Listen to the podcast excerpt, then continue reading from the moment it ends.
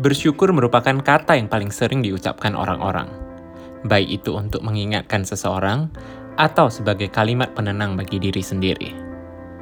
Namun, faktanya tak banyak orang yang benar-benar bisa mengimplementasikan rasa syukur itu pada dirinya.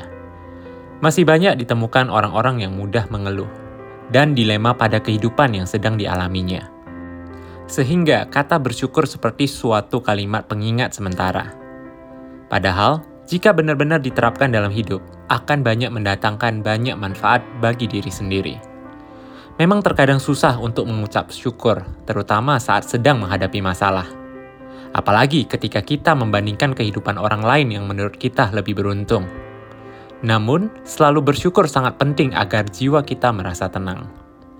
Kita bisa mulai dengan ucapan terima kasih kepada Tuhan setiap pagi. Ucapan rasa sayang pada orang terdekat. Menuliskan hal-hal kecil yang buat kamu tersenyum setiap hari. Dan berbagi dengan sesama. Senantiasa bersyukur akan membantumu gampang meraih kesejahteraan dalam hidup. Dan pikiranmu akan menjadi lebih optimis.